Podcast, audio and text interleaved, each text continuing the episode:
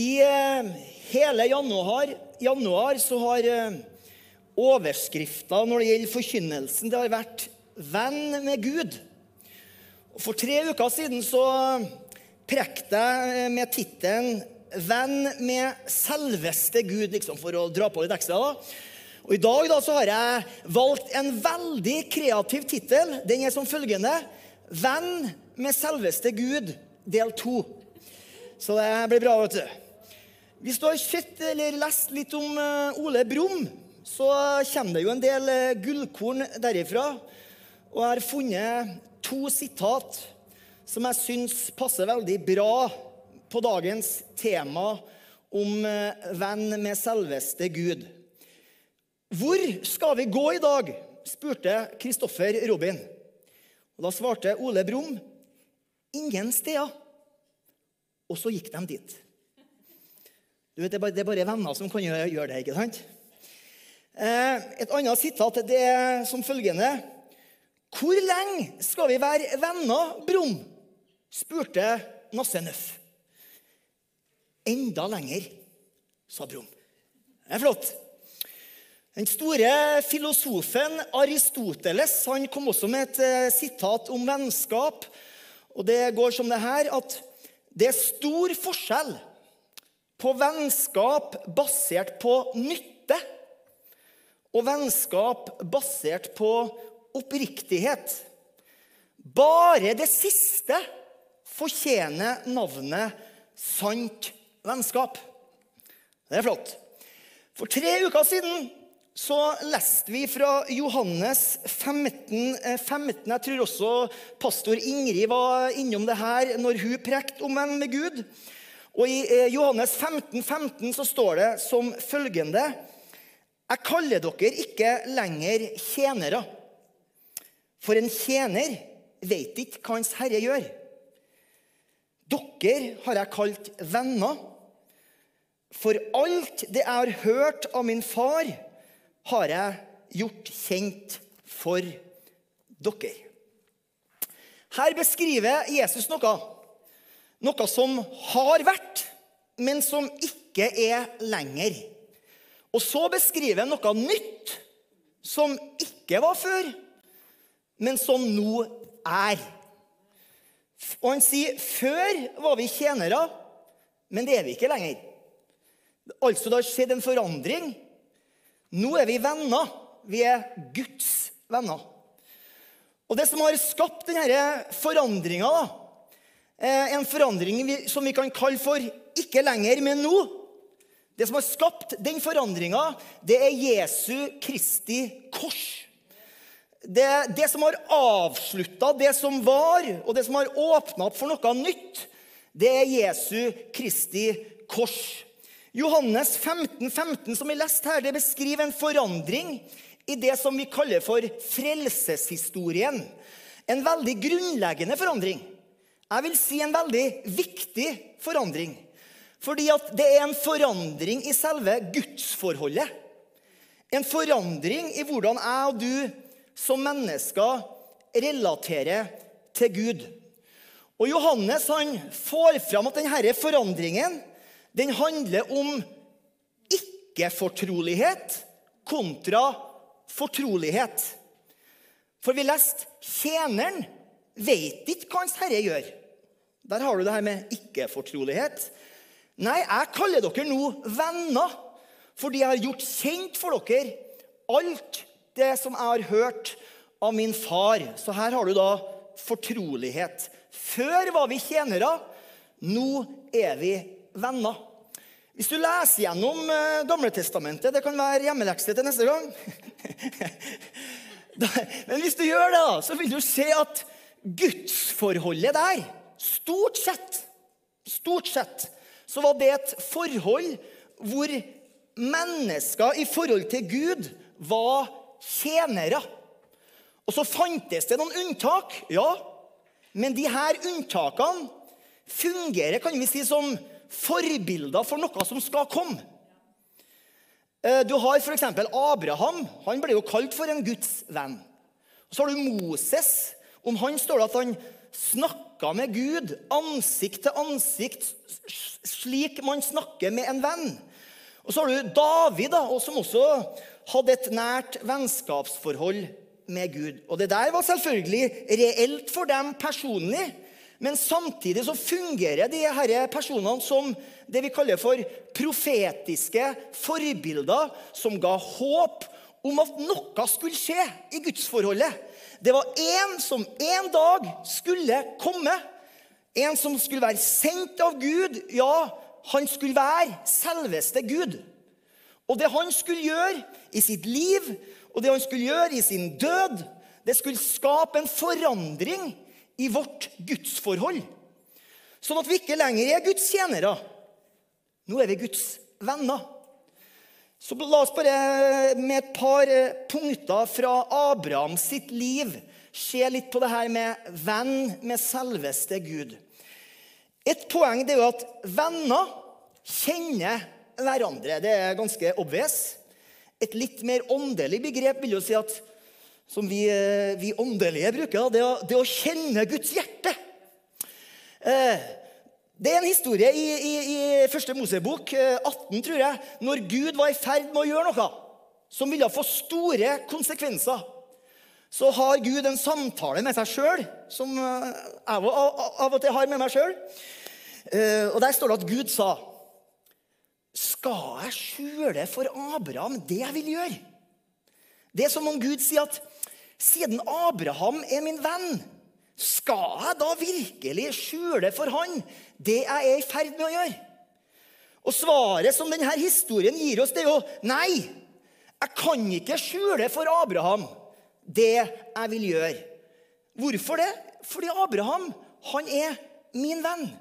Og Det er jo akkurat det som også da Jesus antyder i vårt vers her fra Johannes 15, 15. Jeg kaller dere venner fordi jeg har gjort kjent for dere alt som jeg har hørt av min far. Så venner kjenner hverandre. Det andre er at venner forplikter seg til hverandre. I første Mosebok 17 så leser vi at Gud han inngår en pakt med Abraham. Og en pakt på denne tida det representerer gjensidig forpliktelse. Som på en måte sier at alt mitt er ditt. Og alt ditt, det er mitt. Hvis jeg trenger hjelp, så stiller du opp. Husk på det. og hvis du trenger hjelp, så stiller jeg opp. Og så Når vi da drar oss inn i Det nye testamentet, natta før Jesus dør, så leser vi at han reiser et beger og så sier han, det her er mitt blod. Den nye pakts blod, utgitt til syndenes forlatelse. Altså, som din venn så har han stilt opp. Han stiller opp her og nå, og han kommer til å stille opp fordi vi har en pakt med han. Fordi vennskap med Gud innebærer gjensidig forpliktelse. Og jeg tror at hvis vi tenker oss om Eller vi trenger egentlig å tenke oss så veldig om eller, Jeg tror at i det her forholdet, det her gjensidige forholdet med Gud, så er det faktisk jeg og du som har gjort den aller beste din. Det er helt sikkert. Ok. Venn med Gud. Det åpner opp for noen muligheter som ikke var tilgjengelig uten det vennskapet. Tenk på venn med himmelens og jordens skaper. Tenk på venn med Han som har all makt i himmel og på jord. Venn med den allmektige, venn med den allvitende og venn med den allesteds nærværende. Venn med nådens Gud, venn med den gode Gud. Venn med alt det som Gud er, og alt det som Gud har. Jeg har eh, eh, bladd litt i min eh, bibelordbok og funnet noen bibelvers om vennskap. I ordspråket 17 og vers 17 så står det En venn elsker til enhver tid. Du vet, vennskap viser jo seg fra sin aller beste side.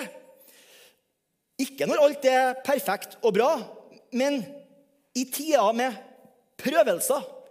Ikke bare når alt er bra. Da viser vennskap seg fra sin aller beste side. Og Her leser vi at en venn elsker til enhver tid. Altså alle slags tider.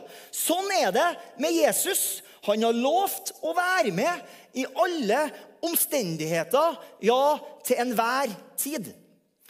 I ordspråket 18 og vers 24 så står det sånn Det finnes venner som er mer trofast enn en bror.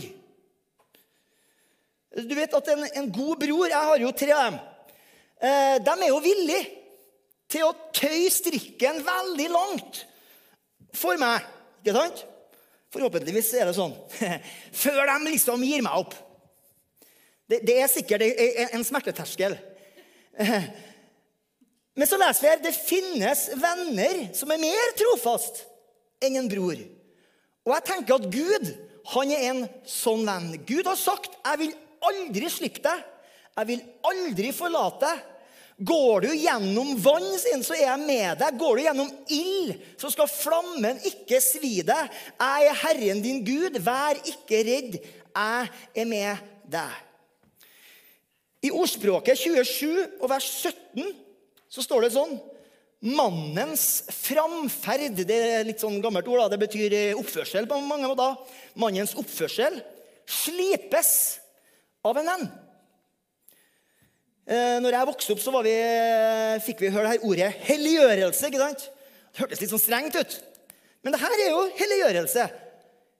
Mannens oppførsel slipes ikke av en tyrann. Nei, det er ikke sånn Gud er. Det slipes av en venn. Det sier litt om hvordan Gud også da opptrar sine barn, siden han er min og din venn. Og så har du et, eh, et, eh, et, siste bibelvers her i Høysangen, kapittel 5. Eh, så står det i vers 10 det her er jo litt sånn, Hvem er det som snakker, og hvem blir snakka til her? Det er bruden og brudgommen. og Det er jo ganske vanlig å, å på en måte lese Jesus inn i denne teksten. Og der står det Min elskede er hvit og rød. Det passer jo bra med Jesus. ikke sant? Han er hvit som sne, og han er ren og rettferdig. Og så er han jo rød i sitt blod, han har gitt sitt liv. ikke sant? Så står det 'Den fremste blant 10 000'. Og så kommer det 'Dette er min elskede. Dette er min venn'. Det er flott. I Matteus 11 og vers 19 så er det et kjent utsagn om Jesus. Og det er det her vi skal avslutte med, men den avslutninga vil vare i noen minutter. da.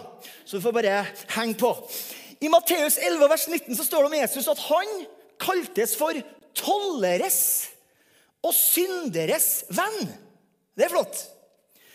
Han er ikke, han er ikke syndens venn. Han er synderes venn. Han elsker å løfte synderen ut av skal vi kalle det for syndegrøfta og gjøre dem til sine venner. Og Det er mange eksempel på det her i eh, evangeliene, i, i, Jesu møte med enkeltmennesker. Du, det som kommer for deg, kanskje er kvinnen som ble grepet i hor, eller kvinnen ved brønnen.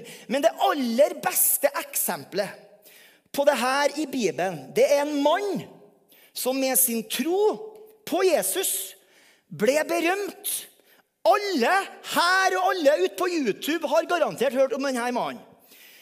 Han er ingen troshelt, men likevel så har hans historie blitt fortalt og gjenfortalt overalt hvor evangeliet blir forkynt. Og Vi vet ikke hva han heter, men vi kjenner litt av karakteren hans. En rimelig dårlig karakter. En kriminell mann. Vi vet veldig lite om fortida hans. Men vi vet at Bibelen beskriver ham som en kriminell. Og når han blir introdusert for oss, så er det på den aller siste sida i det aller siste kapitlet i hans liv. For det settingen her er at når vi møter han her mannen, så henger han på et kors ved siden av Jesus. Og Det der kan du lese om i Lukas 23. Der står det fra vers 32 der det var også to andre, to forbrytere, som ble ført ut sammen med Jesus for å, hen, eh, for å henrettes. Da de var kommet til det stedet som kalles Golgata, korsfesta de en der. Forbryterne ble også korsfesta. Den ene på hans høyre side og den andre på hans venstre side. Og når du leser hele den storyen når Jesus henger på det korset, så står det at folk som sto omkring korset, de sa på en hånlig måte Han har frelst andre. La han nå frelse seg sjøl hvis han er Kristus, Guds utvalgte. Det står om soldatene rundt korset. De spotta og sa, 'Hvis du er jødenes konge, så frels deg sjøl'. Og Så leste vi at det var to forbrytere der. Og den ene av dem som hang på, på den ene sida av Jesus, han deltok også i spotten mot Jesus, og han sa, 'Hvis du er Kristus, frels deg sjøl og oss'. Og plutselig, litt sånn ut av ingenting, veldig sånn overraskende, så er det en som hever røsten og forsvarer Jesus. Og det var det ingen som hadde forventa. Det er den andre kriminelle, som da henger på et kors på den andre sida av Jesus. Han avbryter spotterne, han avbryter hånsordene mot Jesus, og så sier han til den andre forbryteren sier han her da, Frykter du ikke engang Gud? Når du ser at du er under den samme dom. Vi er det med rette sin. For vi får den lønna vi fortjener for våre handlinger. Men denne så peker han på Jesus. Han klarer ikke å peke, for han er jo spikra fast på et kors. Men han liksom, men denne har ikke gjort noe galt. Altså, han erkjenner sin egen skyld. Hans egen dom over seg sjøl det er at han fortjener døden. Han fortjener å bli korsfesta. Og Det virker som om han hadde ingen illusjon om at han fortjente noe godt i det kommende livet. Så hvis det var et liv etter døden, så visste han at det var ikke noe for han å se fram imot. Hans eneste håp, hvis det var noe håp, det var det han fortjente aller minst og det han sjøl hadde gitt veldig lite av i et veldig miserabelt liv, det var nåde og barmhjertighet. Så i desperasjon så sier han til Jesus, litt sånn enkel, da, 'Herre, husk på meg når du kommer i ditt rike.' Og jeg tenker at hvis Guds rike var reservert for gode mennesker, så tror jeg han fyren her stilte aller bakerst i køa. Ja, han ba her. Men sånn, fra et menneskelig perspektiv så hadde han jo ingen sjanse. Du vet, omvendelse når du henger på et kors, det er ganske meningsløst. For da har du bare noen timer igjen å leve. Du har på en måte ikke noe tid på å reparere alt det, det syke du har gjort. ikke sant? Han kan jo, ikke love noe. Han har ikke noe å tilby Jesus. Han kan ikke betale tilbake det han har gjort. Han har liksom ingen forhandlingskort å, å, å legge på bordet. Han fortjente korset. Han fortjente en evighet atskilt fra alt som var godt. Så når han henger der, så er jo han bare i gang med å få det han har fortjent. Men da er det herlig å lese om Jesus at han på en måte forstyrrer den normale ordninga. Han trumfer det som vi normale mennesker oppfatter som rettferdighet. Han bestemmer seg for det som jeg kaller for å være ekstraordinær urettferdig, egentlig. Jesus svarte ham, står det. Og jeg elsker de ordene. Jesus svarte han. For liksom, hvorfor bry seg? Hvorfor bruke tid på en fyr som det der? Hvert, altså Jesus hadde jo nok med seg sjøl når han henger der.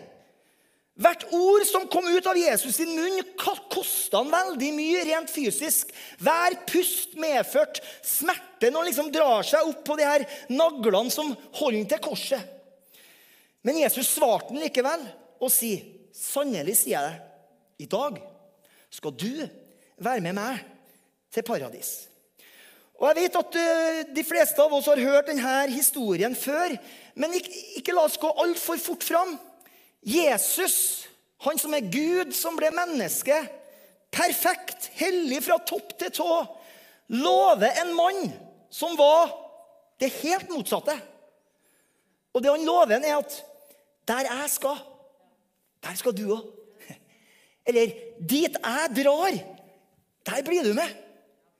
Så, hvordan er det mulig? Liksom I ellevte time, helt liksom on the edge, så tilbyr Jesus den samme evige lønna som vi tenker at troshelter skal få. ikke sant? Sånne som Stefanus, som jeg leser om apostlenes gjerninger. Han som var den første kristne martyr som ga sitt liv for Jesus. Så får han fyren her, som aldri har gjort noe godt i livet, den samme evige lønna. Det er jo ikke rettferdig. Stefanus ble tross alt henretta pga. sin rettferdighet. Mens denne mannen var i ferd med å bli henretta pga. sin kriminalitet.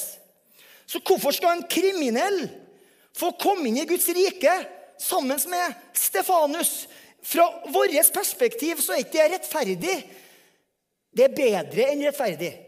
Det er det Bibelen kaller for nåde. Og det forteller oss at Jesus han er tolleres og synderes venn.